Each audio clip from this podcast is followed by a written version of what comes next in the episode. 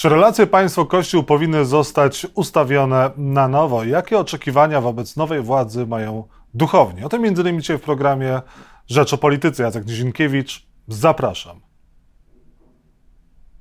A Państwa moim gościem jest e, ksiądz Tadeusz Isakowicz-Zaleski, duchowny katolicki obrządków ormiańskiego i łacińskiego. Dzień dobry, szczęść Boże, proszę księdza. Witam serdecznie, szczęść Boże. E, proszę księdza, czy po zmianie władzy powinno e, coś się zmienić w relacjach państwo-kościół? Ciągle mi się marzy taki model relacji państwo-kościół, że on będzie niezależny od tego, która partia w danym momencie rządzi, bo pewne zasady, niestety moim zdaniem nieprzestrzegane, zostały ustawione na początku III Rzeczpospolitej, że jest e, autonomia i rozdział państwa i kościoła, ale jest to rozdział życzliwy, czyli są wspólne płaszczyzny, na których państwo. No ale proszę księdza, ile można patrzeć na to, co było e, na początku wolnej Polski? Dużo już e, rządów od tego czasu mieliśmy, mamy teraz i będziemy mieli teraz kolejny. Co należałoby zmienić w tych relacjach państwo-kościół? Jak politykę odciąć od kościoła albo kościół od polityki? No przede wszystkim trzymać się tych zasad, na których była budowana trzecia Rzeczpospolita, czyli ten życzliwy rozdział jest przecież wspólna komisja e, e, władz państwowych i władz kościelnych. Ona powinna się spotykać i ona powinna rozwiązywać te problemy. Natomiast e, na pewno w ostatnim czasie doszło do daleko idącego przegięcia, jeżeli chodzi o sojusz ołtarza stronem, gdzie władze kościelne, przynajmniej część tych władz, no była bardzo ściśle powiązana z politykami.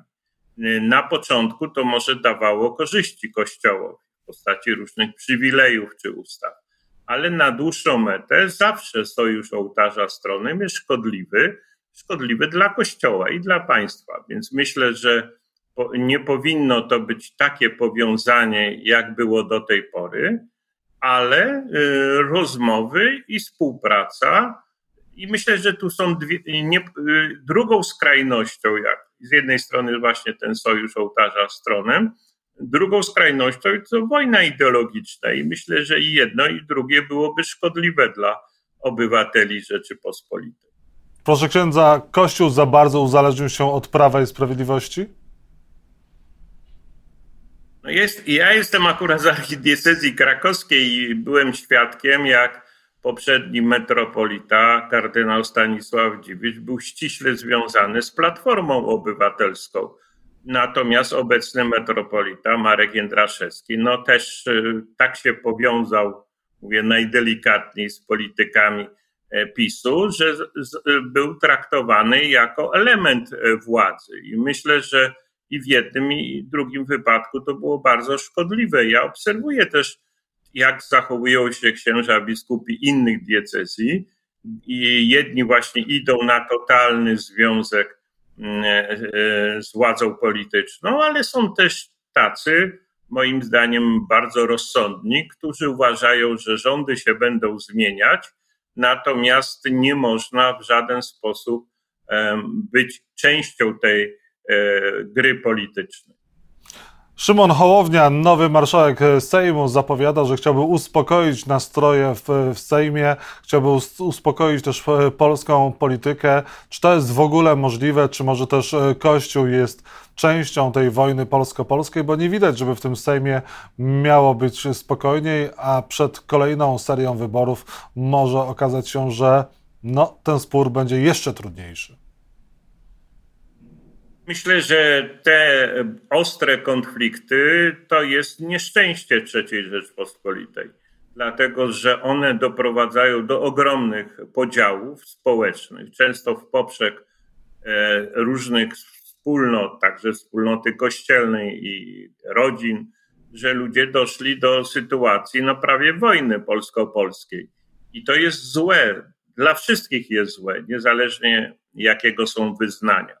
I Kościół powinien tutaj odgrywać rolę uspokajającą, czyli apelować do rozsądku, ale obawiam się, że zbliżające się kampanie wyborcze no tylko podgrzeją, bo nie widzę, żeby obecny Sejm, który dopiero raczkuje, no, był Sejmem spokojnym. Wręcz odwrotnie, padają tam skandaliczne słowa, jest agresja, są oskarżenia i myślę, że przez całą kadencję będziemy świadkami tych zaciętych sporów, a to jest bardzo złe dla całego społeczeństwa. Proszę księdza, powinno zostać ustalone nowe prawo aborcyjne. E, trzecia droga, Szymon Hołownia mówi w Rzeczpospolitej, że powinno być referendum w sprawie aborcji.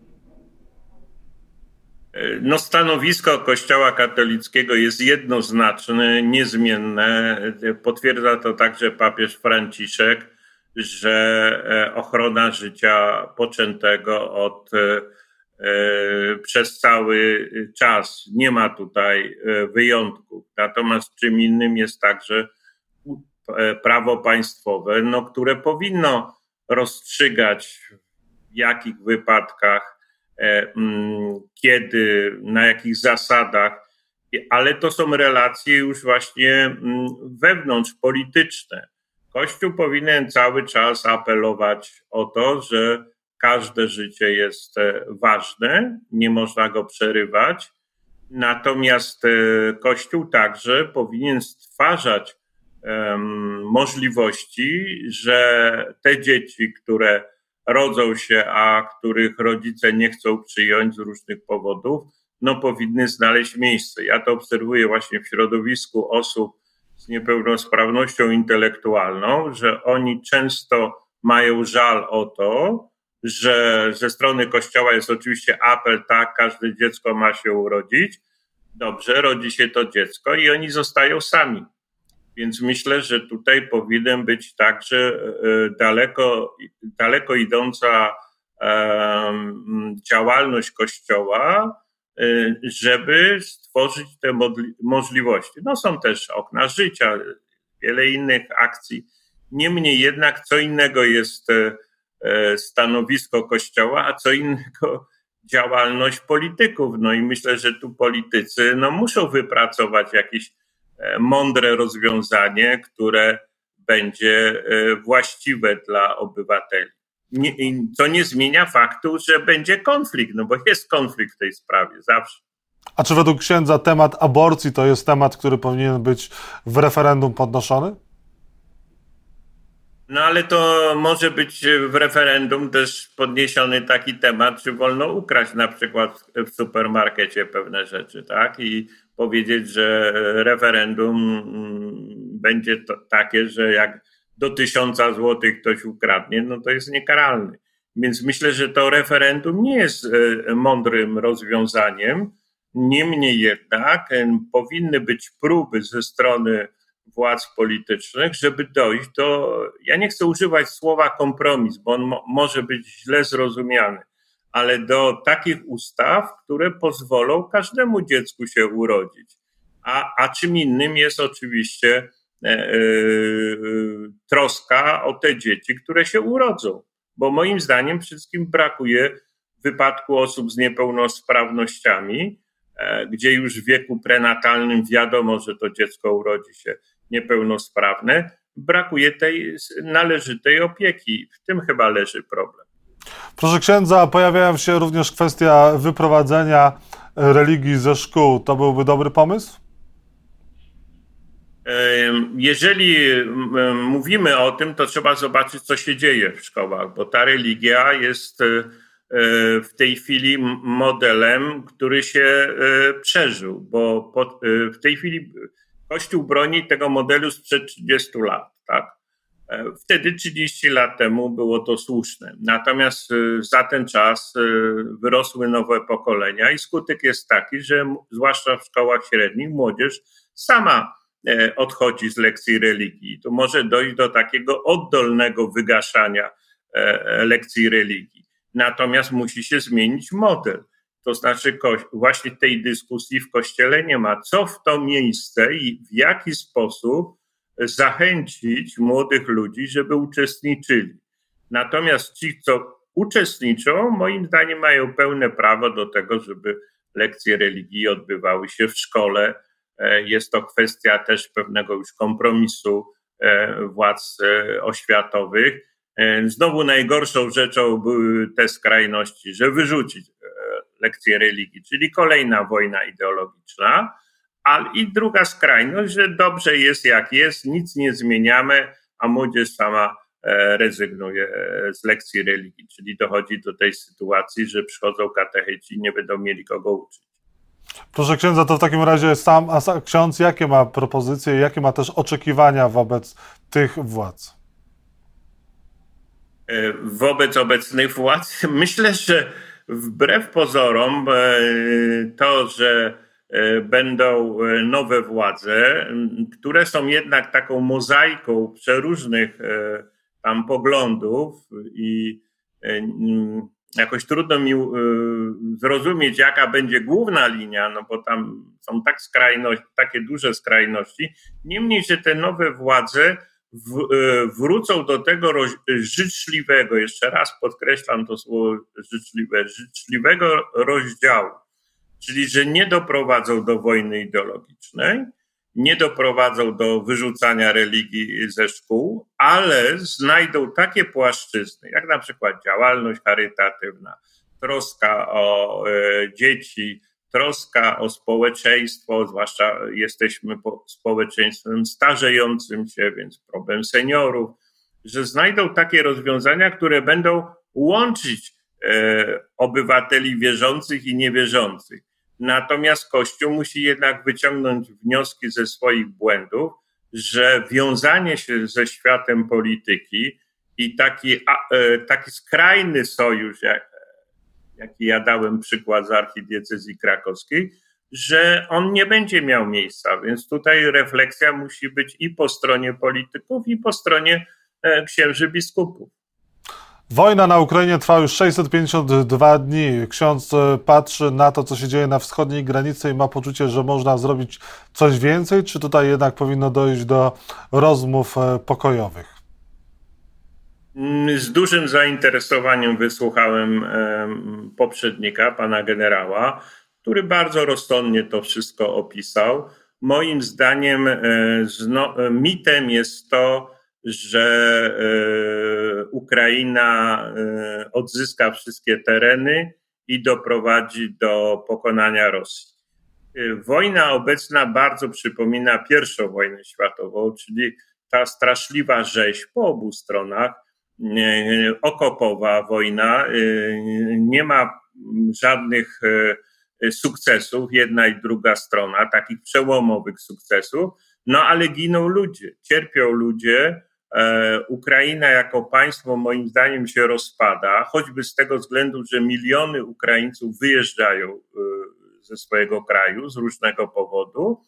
E, no i jest autentyczna bieda i cały czas różne państwa próbują tam przepompować pewną pomoc finansową, żeby to jeszcze funkcjonowało. Musi być znaleziony jakiś pomysł i tutaj chyba pan Zełęński nie jest dobrym takim, mm, jak to powiedzieć, takim człowiekiem, który ma wizję jednoznaczną, tylko myślę, że e, już jest tak krytykowany, że tam może dojść do zmiany władzy i dojdzie do kolejnych jakichś tam wewnątrz Ukrainy przewrotów. Natomiast niezrozumiałe jest postępowanie władz polskich, no, które raczej są bezkrytyczne dla Ukrainy.